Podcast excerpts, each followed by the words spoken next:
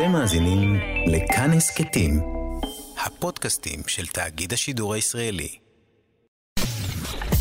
אתן מאזינות ואתם מאזינים לכאן הסכתים. כאן הסכתים, הפודקאסטים של תאגיד השידור הישראלי.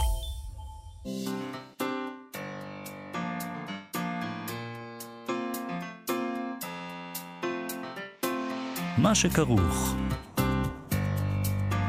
עם יובל אביבי ומה יעשה לה.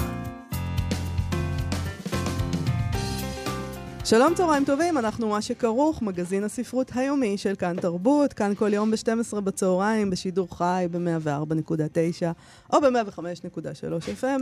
אפשר גם למצוא אותנו בהסכתים בכל שעה שתחפצו בכך. איתנו באולפן על ההפקה איתי אשת, על הביצוע הטכני, יבגני לייזרוביץ', שלום לכם, שלום יובל.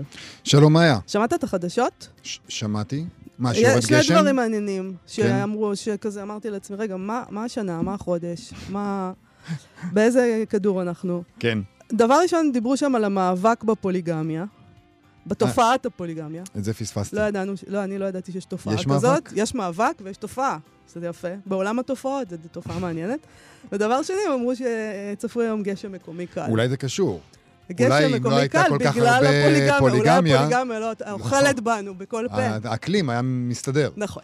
יפה. אה, כן. בואו בוא נחזור לענייננו. ספרות, כן, אה, בפרק הראשון של יש מקום, של אדיבה גפן, רות מגשימה סוף סוף תוכנית שתכננה זמן רב לברוח מבעלה המתעלל, הרופא המצליח, זו שכולן רצו, הוא היה מבוקש מאוד. ברור, אה, גבר רופא. הוא התגלה כמשהו אחר שם. מהמם. אה, היא נמלטת. היא מפלצת. מגיעה- היא נמלטת לכל בוא מיני... נגיד את זה, זה לא- מפלצת. זה לא ספוילר, הוא מתעלל, מפלצת. נו, גבר מתעלל. מה טוב, עוד, אה, גבר נכון. מכה ומתעלל, מה מהמם. עוד אפשר להגיד? כן. אה, היא נמלטת לכל מיני מקומות, היא מגיעה לירוחם, שם היא תפגוש את אורי, נפש אבודה שמתגלגלת בעולם, היא גם כן, יש שם סיפור. הוא לא כזה, גם הוא יש לו... בסדר, עבר- אנחנו עבר. נבקש מאדיבה גפן להגיד... אני לא יודע כמה מותר בדיוק, להגיד, כי זה, בדיוק. זה ספר מותח. מהמם. ונבקש ממנה לספר לנו עליו בלי ספוילרים, רק נגיד שהתוכניות שלהם השתבשו. השתבשו. אז אנחנו נדבר עם אדיבה גפן על האפשרות להימלט, האפשרות להתחבא, איך עושים את זה במקום קטן כמו ישראל, האם, מה המשמעות של ירוחם בעצם. אה, אנחנו נדבר גם עם רותם וולק, אומנית פרפורמנס וסאונד, שבאירוע מיוחד בספרייה הלאומית תנסה לנבא את העתיד, שזה, אני צריך, צריך זקוק לעניין הזה. באמצעות כרטיסי קורא של משתתפים. מה הספרים אומרים על העתיד? מה אומרים עליכם? מה מה אומרים הספרים עליכם? אומרים עלינו? האם ייתכן שספרנים שמסתכלים על כרטיס הספרייה שלנו יודעים עלינו הכל בזכות לא יודעת אם היסטוריית הכל, ההשאלות אבל אולי הם שלנו? יודעים עלינו דברים, או לפחות יש להם איזו מחשבה עלינו, ש... הבחור שכדאי שהם יחלקו. לקח אה, שש פעמים את 50 גוונים של אפור, כאילו... מה הבעיה מה שלו? מה הבעיה באמת שלו? הבעיה שלו? טוב, אה, לפני כל הדבר הזה, יש לנו את הפינה שלנו לשבוע הספר. השבוע בכל יום אנחנו נשמע משורר או משוררת שימליצו לנו על ספר שגרם להם להרגיש טוב, כי נמאס לנו כבר להתלונן. כל הדאון הזה. נכון. אז די, מספיק, אנחנו רוצים להיות אה, אנשים שמחים, happy. אה, היום אנחנו עם המשורר אלפרד כהן, שכתב את ספרי השירה חופשה שנתית, אינדי פופ, נונסטופ ועמוד נוח. אז בוא נשמע מה עשה לו טוב. אני רוצה להמליץ על ספרו האחרון של עינת יקיר, צלם, שיצא בהוצאת כתר לפני כמה חודשים. הספר הזה מספר את סיפורם של נתן, מורה למתמטיקה, שחווה מעין התמוטטות נפשית פיזית לא מפוענחת. הוא מוצא את עצמו מגיע ליישוב האקולוגי קדיטה, בו סבתו מתגוררת, שנמצא בסמוך לצפת. היישוב הזה הוא-הוא הדמות המרכזית יותר בספר לדעתי, כן שהוא מכיל בתוכו אלמנטים אגדתיים, מיסטיים, על-טבעיים, ובעיקר מוזרים. כוחו של הספר הזה הוא בשפה. לפעמים כקורא פרוזה, יותר מעניין אותי לקרוא את המילים והמשפטים כמילים ומשפטים, מאשר לעקוב, לעקוב אחריהם כמקדמי עלילה. זו קריאה שונה לגמרי ממרבית הספרים שיוצאים כאן לאחרונה, היא פסיכדלית, זו קריאה מהפנטת, קריאה מוזיקלית, קריאה שכולה חגיגה לשפה, ואסור לנו לפספס חוויות גדולות כאלו. הוא קורא פרוזה פשוט כמו משורר, שזה יפה. אני אוהבת. טוב, אה, נראה לי שהוא עושה את הכל כמו משורר. יכול להיות, כן. דיברנו אתמול על בחירות הספרותיות של המנכ"לים הבכירים של המשק הישראלי, זה היה, אה, הייתה כתבה כזאת אה, של וואלה. אה, וואלה כסף. אני אוהב את זה שאת אומרת את זה. וואלה כסף? וואלה, אני כסף. פשוט שמה שם סימן שאלה. זאת אומרת, ביני לבין עצמי, אני... אבל אני- יש שם סימן קריאה באופן יש ודאי. סימן קריאה אחרי הוואלה, אבל ביני לבין עצמי זה תמיד וואלה כסף. וואלה? כן. אז uh, זה היה כזאת כתבה בוואלה וואלה כסף לכבוד שבוע הספר. יש עוד אחת uh, שנתקלנו בה בטוויטר של מיכל דבי, עורכת מדור תרבות באתר רשת 13, שהיא כתבה, צייצה, כמו שקוראים לזה בטוויטר, uh, ככה. לכבוד שבוע הספר, כתבי חדשות, חדשות 13 הביאו לי כמה המלצות קריאה. כנסו. שזה... הביאו. נעצרנו, כנסו. הביאו הם ונכנסנו. הביאו לה ונכנסנו. אה, מדובר בלינק לאתר שבו הבחירות הספרותיות של כמה מעיתונאי חדשות 13. מעניין, כל כך מעניין מה הם קוראים. אה, כן, למשל, אה, הילה קורח, ממ. מגישת המהדורה המרכזית, ממליצה על פליישמן בצרות של טאפי ברודסר אקנר, אני לא בטוח בקשר לשם שלה. לפי ההמלצה שלה, אני קראתי את הספר, אבל לפי מה ההמלצה זה שלה, פליישמן בצרות? זה הרופא הזה? אה, לא, זה הזוג הזה שנפרד. הוא רופא גם. אה, הוא רופא. הוא כן רופא, זהו. יש-. יש עניין של רופא יש שם. גם סדרה כזאת, למי שלא... אה, כן, נו, זה הרופא, זה מה שחשבתי, כן. כן, כן, כן, ואז יש יש כאן עניין בחדשות 13 של... אה, רפואה. יש להם עניין, כן. אה, הילה קורח היא רופאה גם, אה, בכל מקרה, אז כן. כן. תכף אנחנו נגיע לעוד רופאים. אהה. לפי ההמלצה שלה, קשה לכתוב ולהמליץ על ספר שכל מילה עלולה להוות ספוילר לקורא העתידי, אז אכתוב בזהירות, מדובר בסיפור פרידה של בני זוג מניו יורק, שמשחק לך עם הראש ככל שאתה מתקדם בעמודים, מבהיר לך בצורה מתוחכמת עד כמה המציאות יכולה להיות מורכבת, עד כמה דברים הם לא מה שהם נראים, מצליחה לגעת ולבקר נושאים חברתיים באומנות כזאת שגם תעיף לכם את המוח וגם תעורר בכם, עוררה בי לפחות, קנאה גדולה בכישרון הכתיבה שלה ועוד בספר ביקורים. תעיף הספר- לכם את המוח. זה ספר מהנה. טוב, אה, הילה אלרועי, שהיא פרשנית בריאות, אה, פרשנית בריאות אה, סלאש רופאה, בשבילי כאילו, אני יודעת שהיא לא רופאה באמת, אבל היא, היא דוקטור. אני כבר, ביני לבין עצמי, אני קוראת לה דוקטור הילה אלרועי. אה, המליצה על ספר שנקרא בית האלוהים, של סמואל שם, שהוא רומן על מה שקורה לגיבור בסטאז', בסטאז' שלו בבית חולים. היא כתבה, הספר אשר מתאר את מה שעובר עליו ועל צוות הרופאים והאחיות בשנה הזאת הוא ספר ציני, עוקצני, סאטירי, מצחיק, מגעיל, לעיתים מעצבן, ועושה שימוש רב בהומור שחור, אשר מעביר את הקורא ברכבת הרים של רגשות. לדעתי עדיף לקרוא אותו באנגלית, בגלל שחלק מהשנינות הולכת לאיבוד בתרגום. גם הספר הזה, צריך להגיד, זה יפה כי זה מהבקליסט, זה לא איזה ספר חדש במיוחד. כן, לא, יהיה... זה יש הולך בה איזה, אחורה. יש בה איזה דוקטור למשהו. כירורגית, הילה אלרועי. כן. המגיש שלי רכלין ממליץ על הגבעה של אסף גברון, Mm. שזה גם המלצה מפתיעה. הם ממליצים על ספרים שהם קראו באמת, כן. אה, שהם אהבו פעם. זאת אומרת, אולי גם היום, אבל לא מעכשיו. כן. הם לא המציאו, והם לא אמרו תלמוד, או תלמוד השפיע עליי, כאילו, כמו המנכ"לים. שבע התלמוד. דרכים להיות מנהיג טוב. כן. אה, לא, אה, הגבעה של אסף גברון, הוא כתב שהספר שנכתב לפני עשר שנים מרגיש רענן ומעודכן בדרכו המיוחדת, מצל- מצליח אסף גברון לתאר מציאות ישראלית דרך סיפוריהם של כביכול שגרת חיים. והגבעה זה קורה ביהודה ושומרון, הגיבורים הם המתיישבים סלש מתנחלים. וכמו בכל מקום אחר בארץ, חייהם מושפעים מהמציאות ומאינטרסים של נציגי השלטון. זה ספר שמצליח לגרום לקורא או לקוראת להיחשף לרקמת החיים שמעבר לקו הירוק. נכון, אה, כן, קראתי אותו, צודק. כן, גם, Mm. כן, כן, זה, זה בדיוק על זה. תמרי שלום, או, מה- תמרי שלום. כן, זה מה שחיכית לו? אני מחבבת את תמרי שלום. את תחבבי את ה... לד... יאללה, תחבבי לדעתי גם את הבחירה שלה. היא המליצה על הרצל של עמוס אלון. היא כתבה עליו שהוא ספר מרתק, קריא, עשיר ומפתיע על חייו המופלאים של הרצל. הדמות ההירואית, אך פלקטית עבור רובנו הישראלים, קמה לתחייה, קשה להאמין למסע המופלא נגד כל הסיכויים שהוביל להקמת בית לעם היהודי. המימד אה, שהכי הפתיע והרשים אותי, כלומר אותה, הוא ההבנה העמוקה של הרצל שהיה מחזאי לחשיבותם של סמלים, דגל, המנון, לבוש מוקפד בקונגרס היהודי ככלי להשפעה על ההמונים, ליצירה של רגש לאומי והזדהות. מצד אחד הוא הכיר בכך שאין באלמנטים האלה ערך אמיתי משל עצמם, אבל הבין את החשיבות העצ- העצומה שלהם ברגשות שהם מסוגלים לעורר בציבור הרחב. היא מעידה על עצמה, אני אשת פרוזה ושירה, קוראת רק לעיתים רחוקות ספרי עיון, ובכל זאת הספר כבש אותי באושר ההיסטורי שלו לצד כתיבה סיפורית ונגישה.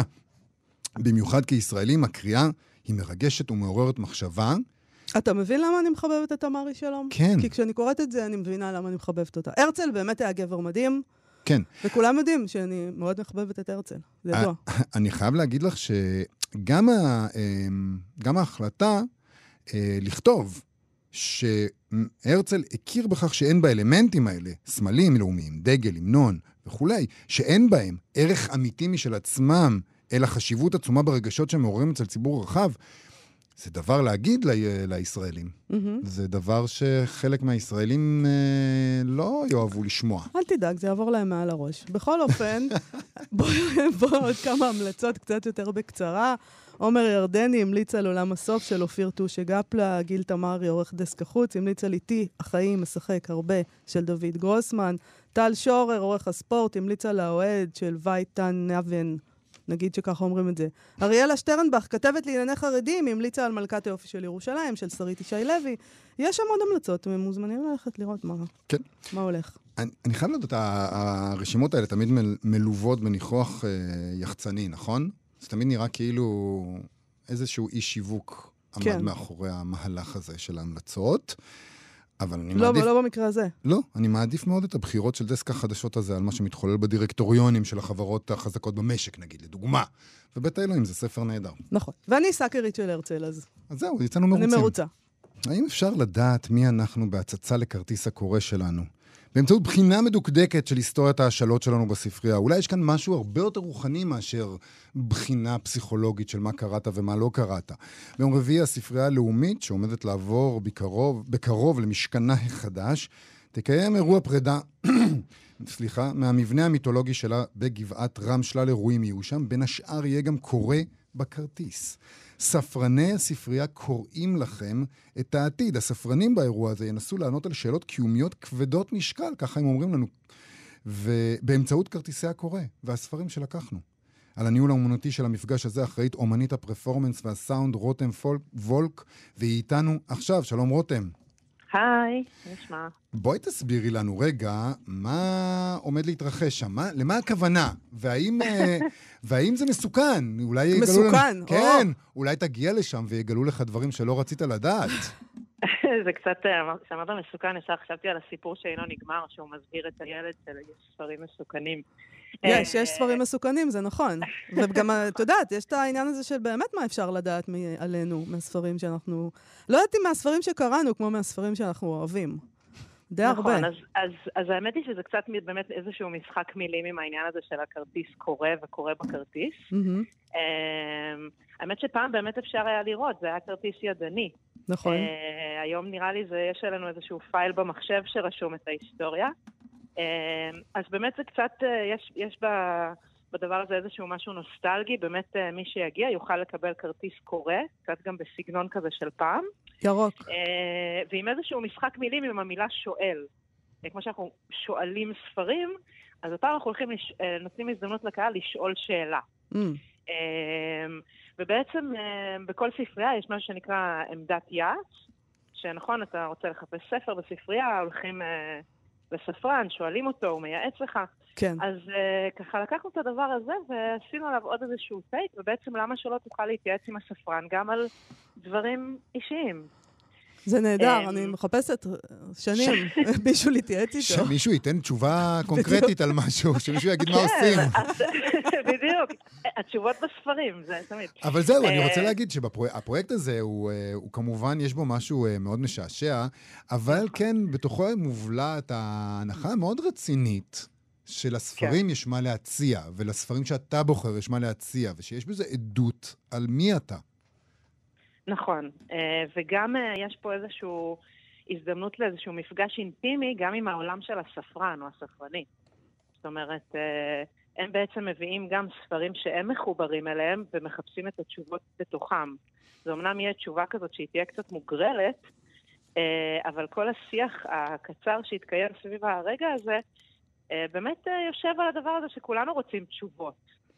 וכולנו, זאת אומרת, גם הציניקנים הכי גדולים, בסוף כאילו משהו, אנחנו, אנחנו רוצים לקבל איזו תשובה גורלית. אה, אז זה קצת משחק על העניין הזה של ידע באמת מובנה, ואנשים, לצורך העניין ספרנים באמת, שזה פרויקט שני שאני עושה בספרייה הלאומית, ובאמת זה מקום אה, מטורף עם אנשים עם ידע לא, לא נורמלי, שאנחנו לא רגילים לפגוש, באמת. אה, אז למה לא לבדוק רגע את הידע הזה מול באמת תשובות שגם אנחנו מחפשים. אז יהיו ספרים, לספרנים ישבו ליד ספרים שהם בחרו, או שאת בחרת, ואז הם יפתחו באופן רנדומלי במקומות וייתנו תשובות? איך זה יעבוד? נכון, ממש ככה, קצת כמו המשחק שהיינו עושים כשהיינו ילדים, שמדפדפים כזה ו... אני עדיין עושה את זה מול, עם, עם עצמי, אני חייבת להגיד לך. וזה, וזה עוזר? קצת אינפנטילית. כן, בטח, אני פותחת אה, באיזה ספר, כי אני שואלת את עצמי איזו שאלה שאני לא יודעת אה, זה, ואני... כן. אז, אז כן, אז, יובל מסתכל. עליי עכשיו לא, לא, במבט אני- אני- לא, לא. מוטרד, מאוד מוטרד. לא, לא, אני אני מנסה אמרתי לנחש. שכולם מחפשים תשובות. זה, אני מנסה לנחש, אה, בלי שמאיה תגיד, באילו ספרים היא מדפדפת. אני מאמין שזה לימונוב אולי, משהו כזה. לא התלמוד אני והתנ"ך. לא, לא. לא. בחיים אני לא מגלה לך. לא, זה אינטימי נורא לגלות איזה ספר אתה מתייעץ. אין שום סיכוי, יובל. כן, אז רגע, איזה ספרים יהיו לספרנים? במה הם יפתחו? אז זה יהיה גם, זה, זאת אומרת, הספרנים בוחרים איזה ספרים, אבל מאמינה שיהיה איזשהו דיאלוג שגם הקורא, או השואל, סליחה, לצורך העניין, אה, יוכל אה, לבחור אה, מתוך איזה ספר. והרעיון הוא באמת שבניגוד לזה שנגיד, אם את עושה את זה לבד בבית, יש הזדמנות פתאום לאיזה שיח קצר על זה, ואיך הספרן רואה את התשובה הזאת, ואיך השואל רואה את התשובה הזאת. אה, וככה יש איזה רגע של, של איזה דיאלוג קטן על הדבר הזה, והתשובה נרשמת בעצם על הכרטיס קורא. והמשתתף בעצם הולך הביתה, ככה גם עם השאלה וגם עם התשובה הזאת, כמובן עם הציטוט מאיזה ספר זה וכן הלאה, Mm, ונשאר לו איזושהי עדות קטנה מה, מהמפגש הזה, שהוא מין משהו בין מגדת עתידות לאורקל כזה. נפלא. תגידי, כן. יצא לך, אני מניח, במהלך העבודה לקראת הדבר הזה, לקראת הפרויקט הזה, לעבוד עם הספרנים של הספרייה הלאומית. כן. ואת יודעת, אה, לפעמים לספרנים יש תדמית פחות משועשעת ומשעשעת ממה שעומד לקרות באירוע כן, הזה. הם השתיקו אותך? עשו לך, ש- כן, לא, כבר לא עושים דברים כאלה, נכון? לא, אבל עד- אני שואל את עצמי, עד כמה הם זורמים עם הדבר הזה? עד כמה הספרנים אומרים, תקשיבי, אנחנו פה רציניים. אנחנו עשינו תואר במידנאות, ו... כן.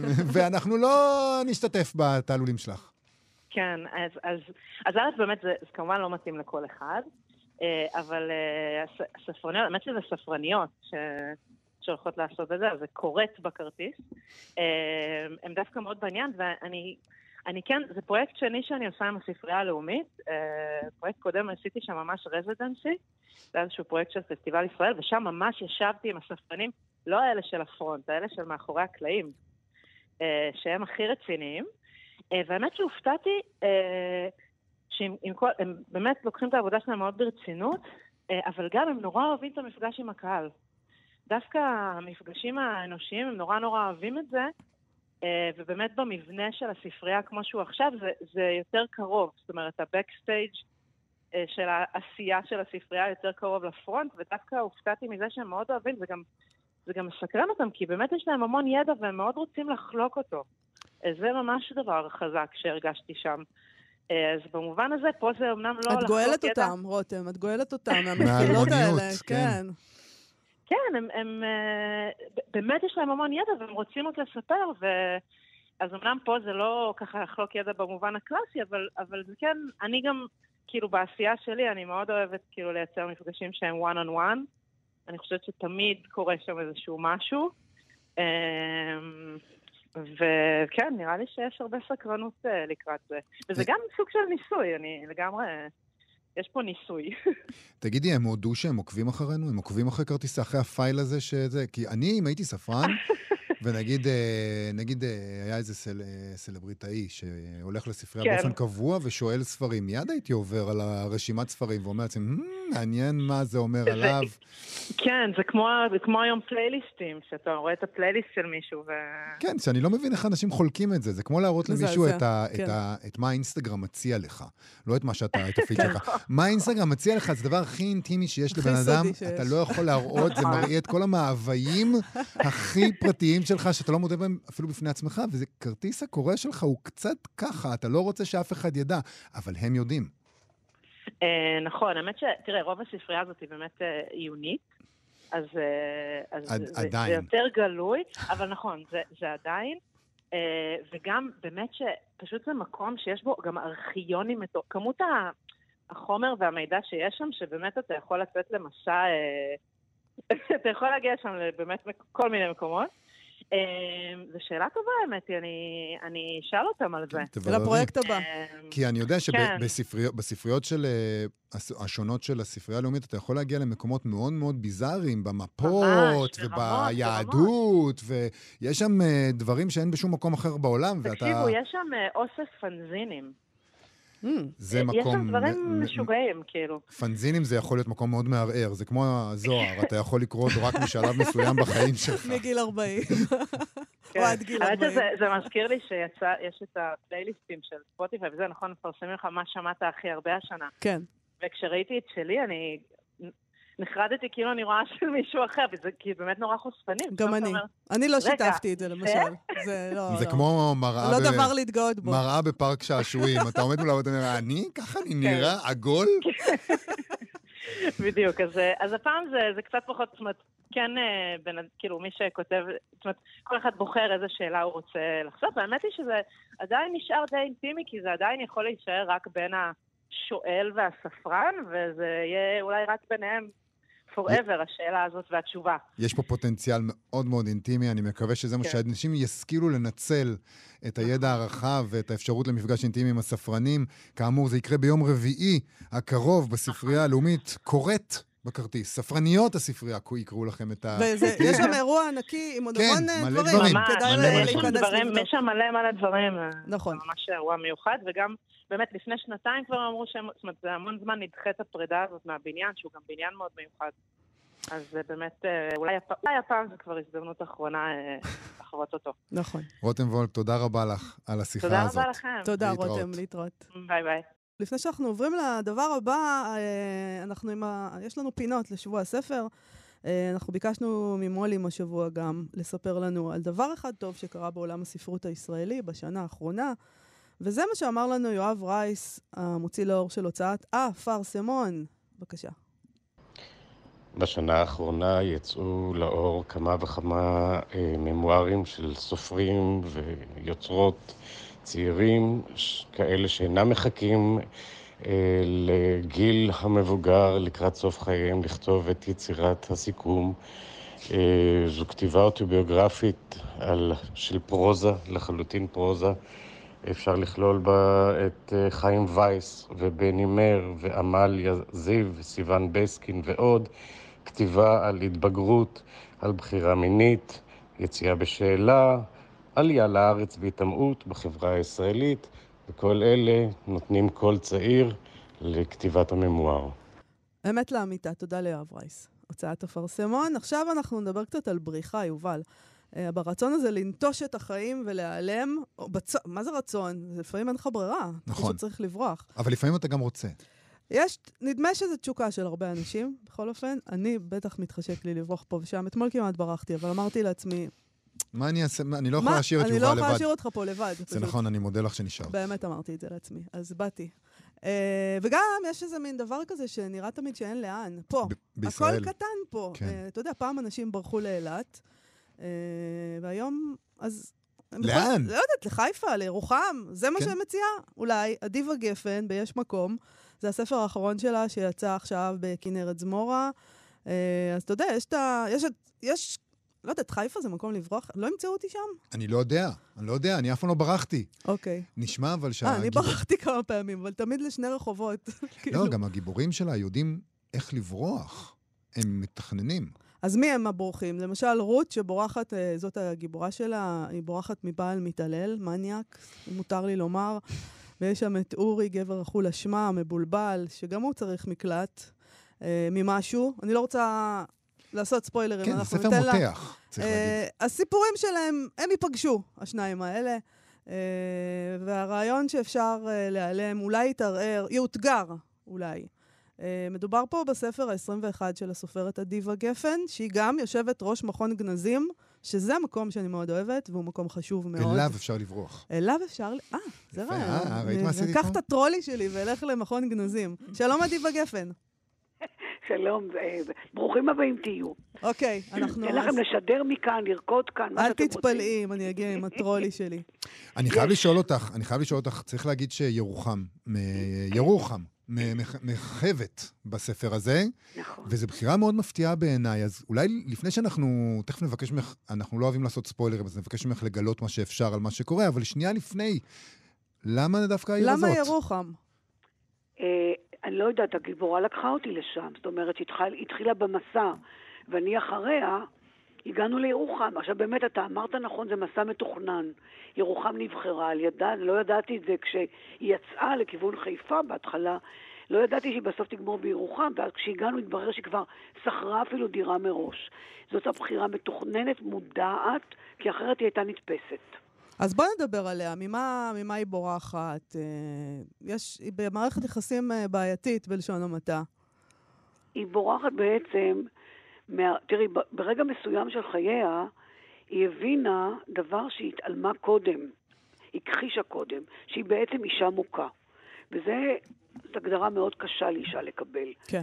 כי בהתחלה אתה אומר, זה התפלק לו, אולי לא דיברתי יפה. הרי חינכו אותנו, לא? לפחות אותי, בטח הגיע לך.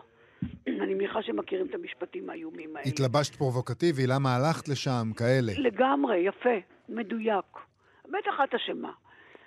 ברגע אחד שהיא אומרת לעצמה, לא, אני לא אשמה, זה, זה אני מוכרחה לצאת מכאן כי זה מרעיל אותי, כי זה מזיק לי, זה הרגע שבו היא מבינה שהיא צריכה לתכנן מסע ולצאת כמו שצריך ולהגיע. ולהגיע זה יש מקום. ואז היא מגיעה לירוחם. למה ירוחם? קודם כל, אני חושבת שהשם נהדר, ירוחם. נכון. רחמים, יש יש שם בה רחמים. רחם ורחמים וחם וקבלה. וחוץ גם, מזה... ה, גם, ה, גם בספר כל הזמן אומרים, אה, זה לא מקום כמו מקומות אחרים, כל הזמן חוזרים על זה, זה ירוחם נכון. פה, זה לא, זה לא תל אביב, זה לא מק, מקומות האלה שבהם אתה לא יכול אה, לעשות את הדברים. פה כולם דואגים לכולם גם. קהילה. אני, אני רוצה להגיד, זה, יש לי את החוויה הלא ירוחמית שלי, אבל הדרומית שלי. אה, אני גרתי בבאר שבע הרבה שנים, הרבה מאוד. 16 שנה גרתי בבאר שבע. בבאר שבע, ו-16 שנה מאושרות. מאוד אהבתי את המדבר. מאוד אהבתי את הרגע, אתה יודע, לקראת השקיעה, אתם יודעים, לוקחים את עגלת הילדים, לוקחים את החתול, את הכלב ויוצאים, והמדבר פתוח. ושום רמזור לא עומד בדרכך. ואת השקיעה מתל אביב, אתה רואה את העננים ואת הצבעים עד, עד באר שבע לפעמים. והחוויה שלי הייתה באמת של קהילה. כי ברגע שהגעתי, הרגשתי שנכנסתי לתוך איזשהו בית חדש, שיש מקום, ואני באתי מחיפה, עיר מסודרת, עיר יפה, אה, נמל, נוף, כרמל, מה שאתם רוצים, והגעתי לבאר שבע והייתי מאושרת. ואני אוהבת לחזור בספרים שלי לדרום מאוד. ואני חוזרת, ולכן היא באמת ירוחם, וכשהיא נסעה לירוחם רות, ו- ואני אחריה, הסופרת שכותבת את מה שהיא מספרת לי, דווקא שמחתי לחזור איתה ולמצוא את אה, הקהילה. עשית ציור לוקיישן? נסעת לשם באמת? ברור. קודם כל חידשתי, כי אני מכירה את ירוחם. כן. אבל בוודאי שחידשתי, כי המקומות האלה משתנים. והיא נראית נהדר ירוחם, אפילו פתנו שכונת וילות יפה. את חושבת בהתחלה- שזה באמת מקום שאפשר לברוח אליו? מאחד כזה מניאק שאת לא רוצה שימצא אותך? לדעתי כן, Mm. אבל אם בוחרים נכון, אם מתכננים. מתכננים נכון, ולא נופלים בפח כמו שרות עצמה נפלה בפח. כן. זאת אומרת, היא בסוף אה, איכשהו באיזשהו, הזהירות שלה, שהיא נק... הזהירות, כל כללי הזהירות שהיא נקטה בהם, בסופו של דבר לא עמדו לה, כי היא נכנעה לעצמה, לצ... לצורך הזה שלה. אבל אה, כן, אפשר לברוח, אפשר לברוח, למרות שאנחנו ארץ קטנה, וטוב שהיא ברחה, וטוב שהיא מצאה מקום. כי אני חושבת שאם אתה יוצא לדרך, אתה בסוף תמצא מקום. כי יש מקום. כי יש אני מקום. חושבת. מהמם. אני רוצה רגע לעבור לגיבור השני של, ה, של הספר, אורי. אה, אורי? אורי. אורי. קשה לדעת, זה לא מנוקד. אורי, אמ, אני חייב להגיד שבעיניי, במידה מסוימת, הוא בורח גם כן ממשהו אלים שהוא עשה. הגברים אלימים פה. הגברים יש להם, אה, יש להם סוד אפל בעברם שמחייב גם אותם לברוח, אז גם כן אה, הדבר הזה הוא... יש שם משהו אלים. הוא, אה, אני חושבת, אני, אני דווקא הרגשתי אותו דווקא קצת כקורבן. כן? אולי קורבן של עצמו, אבל כקורבן, או כמי שפתאום מגלה אה, בממרום גדולתו עם האאודי והבית המפואר והכל, שבעצם הכל אה, התמוטט ונסדק. וכשהוא מגלה את זה, הוא מבין שצריך להתחיל מההתחלה. אני לא כל כך הרגשתי אצלו אלימות, להפך הרגשתי קצת אה, קורבן של הנסיבות של עצמו, שהוא אולי הרג אותם וטבע אותם, אבל אה, הוא... לא, הוא קורבן. הוא קורבן. זה כן. מעניין העניין הזה של הרכב, נגיד. כי אני מרגיש שקצת הקבלת בינו לבין דווקא הבעל של רות, שהוא יש לו את המרצדס וההוא יש לו את האאודי שלו, ושניהם, הרכב משחק נורא תפקיד, שניהם גברים מצליחים, וקורה להם משהו. גם, גם ל, ל, לבעל של רות קורה דבר, אה, שוקה, קורה לו דבר, אה, היום הרי אשתו, שהוא חשב שהיא בשליטתו, נעלמת הו- בלילה. הולכת, עוזבת Mhm. אותו, באיזה חוצפה. מבחינתו זה דבר נורא ואיום שקורה, ואצל שניהם יש את הרכב הזה, את שני, אצל שניהם יש את ההצלחה הזאת. הרגשתי שאת קצת אומרת לנו, רגע, אולי אה, שני הגברים האלה קצת מדברים אחד עם השני. בואו נחזור רגע, אורי יוצא לא עם האאודי, הוא יוצא עם איזה רכב קטנטן שמישהו נתן לו. כי הוא מתחיל מההתחלה, והוא זורק את הכל מעליו, ולא אכפת לו לעמוד בסופו של דבר בירוחם, עיר בסוף העולם, בקונסרבטוריום למוזיקה, ול- ולבדוק תיקים של להיות ילדים. מאבטח, והוא מאושר. כן.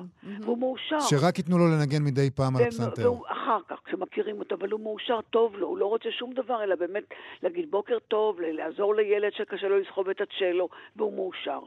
אה, אה, אה, את האוטו המפואר של שוקה היא צריכה לס- לסלק, לגנוב, וזה צעד אלים שלה, שהיא מוציאה ממנו את ה... אתם יודעים, אצל גברים לפעמים רכב זה, מכונית זה הרבה יותר ממכונית, היא לוקחת לו אותה. היא עכשיו היא משאירה אותה, היא כי אומרת לוקחת לו- לו את המרצדס. והיא מחזירה. לו אותה, היא מחזירה לו כי אותה, אומרת, "על- זה לא חשוב לי, היא לוקחת אבל, הלאה. אבל עם שריטה היא מחזירה אותה. למה אתה עושה זה ספוילרים? מה. קורה לך? נו, גם אני הייתי שורטת, ברור. מה זה שורטת? אפשר לשרוף לו את האוטו, מה אהבתי. זה? את. הקטע של השריטה הכי אהבתי. ברור. אם כבר קר בחזרה עם שריטה. אבל אני חושבת שבאמת, הוא יוצא מהאאודי ויוצא מכל הדברים האלה, ואומר, אני צריך להתחיל מההתחלה, כי, סליחה על המילה, קלקלתי, הרסתי את חיי במו ידיי. זו אלימות שפגעה בו אולי. והכל נהרס לי והכל אבוד לי, לא, אני מתחיל מההתחלה. הוא דרך אגב רצה להגיע בכלל לאילת, כמו שאתם אמרתם. כן. טעה, פנה שמאלה, ושם הוא התחבר לקהילה אה, של ירוחם, שאני מאוד אהבתי את הקטע הזה שהוא מגיע לבית הקפה הנידח, והחבר'ה מזהים. מזהים משהו שם ועוטפים אותו ומביאים אותו לירוחם. אני מאוד אהבתי את הקטע. דרך אגב, אני רוצה לומר לכם, זה דברים שאני למדתי, אה, מה שנקרא, במסע, במסעותיי אחרי הגיבורים.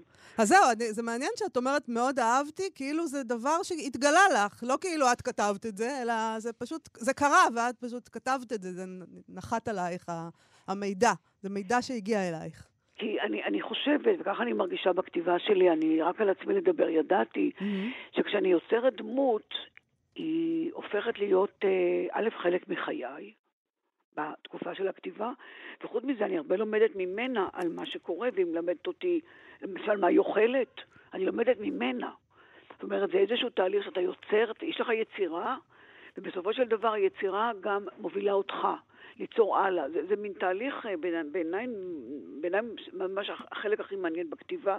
זאת אומרת, הרגע שאתה פוגש את הגיבור שלך שאומר, רגע, רגע, רגע, מה פתאום בשר אדום? אני אוכל בכלל דגים. זה, זה דוגמאות שקורות לי לפחות במהלך כתיבה, כן. שהגיבורים אה, מורים לי את הדרך. וכמו שאמרתי, אורי נסע לאילת, ואני פתאום הגעתי איתו לתחנת, לאיזה בית קפה שם בתחנה, בתחנת דלק, ונשארנו בירוחם, ונורא שמחתי. זה התאים לנו. מאיפה באו אלייך אבל הגיבורים האלה, והסיפור הזה, והדבר הזה שאנשים אה, צריכים להימלט מהחיים שלהם, רוצים להתחיל מחדש? לא יודעת, באו לי מה... באו לי. באו לי מבאו לי. מה פתאום את אה, מחפשת את הדבר הזה בכלל, של להתחיל מחדש? א', אני מאמינה בזה מאוד. כן? אני מאוד, מאוד. מהמם. אני מאמינה, אני מאוד מאמינה, ואני חושבת שזה הדבר שהכי חשוב לי בספר, שתצא כשלא טוב, לצאת משם. ולא לפחד. לצאת הלאה, כי אני תמיד אומרת לכולם, אם אתה יוצא, אם אתה סוגר דלת, תמיד תיפתחנה שתי דלתות אחרות. ואנשים לדעתי לא צריכים להיתקע, לא בעבודה, לא עם חברים שיכולים להרעיל אותך, אה, לא עם משפחה שיכולה להרוס אותך. שום דבר, לא שווה, כי אין לנו 600, ש... אין לנו 600 שנה לחיות. זאת הבשורה הכי חשובה שאני רוצה לבשר לכם, חברים. אני בהלם. למ- בדיוק, אני נורא מצטערת שאני צריכה להפוך את מה שנקרא את חלומותייך. אין. אפילו לא 400, אין. אז במה שיש, צריכים לעשות את הכי טוב בשבילנו והכי בריא ולהיות במקום שהוא הכי טוב לנו. כן. וזה הדבר הכי מפרה, שגם מפרה את הסביבה, וזה מה שקורה.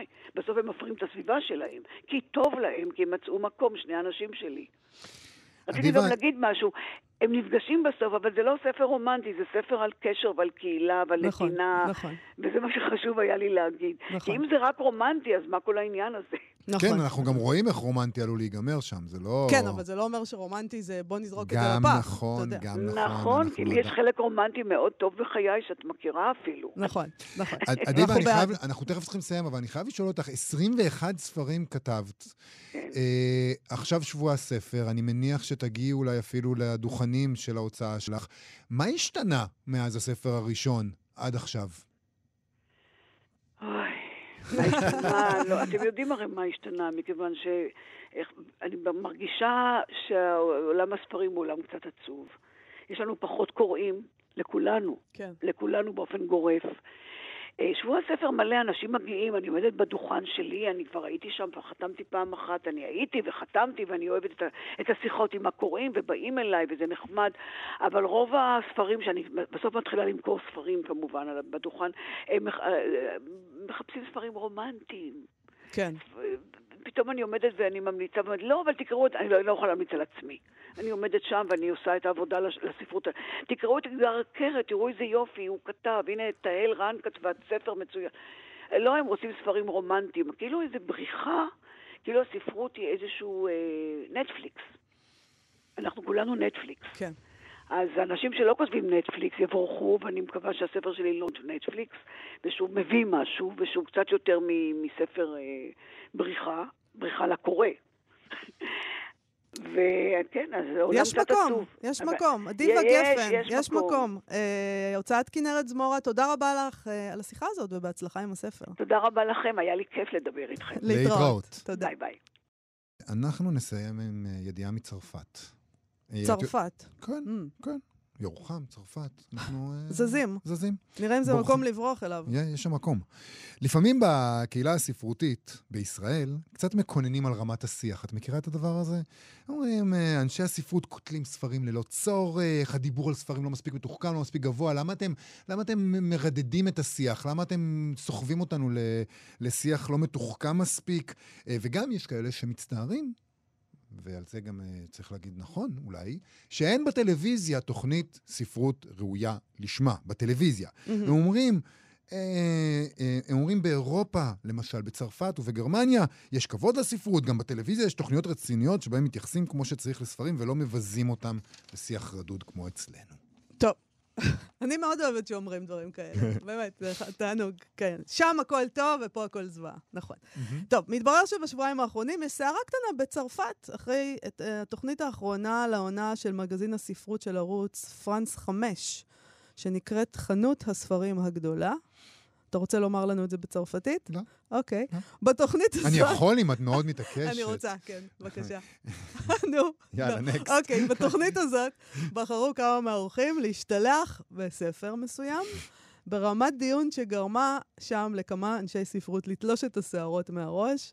הספר שהשתלחו בו אה, הוא הגלגול של קפקא. נכון. פשוט, זה, זה קפקא. דבר מדהים. כן. שני דוברים מרכזיים נגד קפקא היו בתוכנית הזאת. האחת מהן היא פאיזה גן, שהיא פרסמה לפני כ-15 שנה ספר מצליח למדי, שגם תורגם לעברית בהוצאת מטר, תחת השם היום, מחר, אותו דבר. וככה היא תיארה בתוכנית, היא אמרה שאפשר לסכם את הספר, הגלגול של קפקא, ככה. אהה.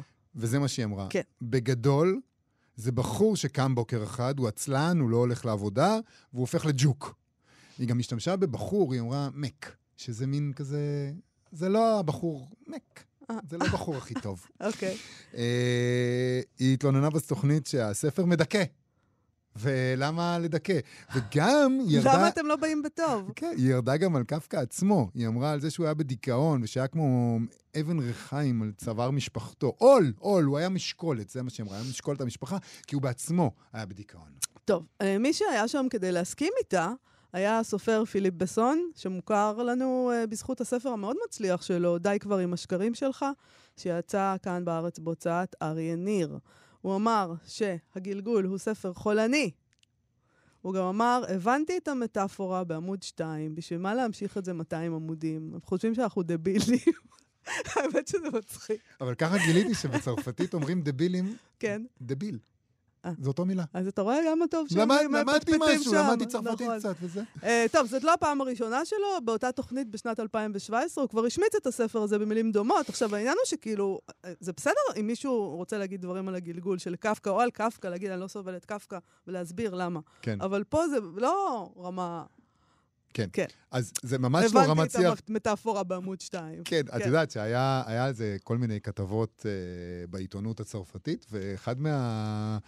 מה, מאלה שהעבירו ביקורת על השיח הזה אמר, אגב, רק אה, כדי אה, להזכיר לכולם, מדובר בנובלה של 70 עמודים. אה, אז 200 עמודים לא המשיכו עם המטאפורה הזאת שהבנתם מהעמוד השני. זה הרגיש לא כמו 200. אני פשוט. חייב להגיד שכשאני ראיתי את זה, בפעם הראשונה יש, ב- יש כל מיני קטעים מתוך התוכנית, ואני אמרתי לעצמי, רגע, יכול להיות שהם סאטיריים, יכול להיות נכון, שזה זה מסוג נכון. של בדיחה. אולי אני לא מבין מספיק את הרוח הצרפתית, אה, בואו נעשה צחוק. לא, הם באמת כנראה מאוד... אה, לא. הם לא... הם לא עברו את קפקא לא העיף להם את הראש. אה, טוב. לפחות אנחנו לא צריכים לחוש יותר רגשי נחיתות. אנחנו בחיים לא חשנו רגשי נחיתות את אולי. מול הצרפתים. אנחנו זוכרים להם כל מיני דברים, אחרי נכון. הכל. זה נכון. עד כאן תוכניתנו להיום. תודה רבה לאיתי אשת ויבגני לייזרוביץ' שעשו איתנו את התוכנית. בואו לבקר בעמוד הפייסבוק שלנו, אנחנו נהיה פה שוב מחר. להתראות. אתם מאזינים לכאן הסכתים, הפודקאסטים של תאגיד השידור הישראלי.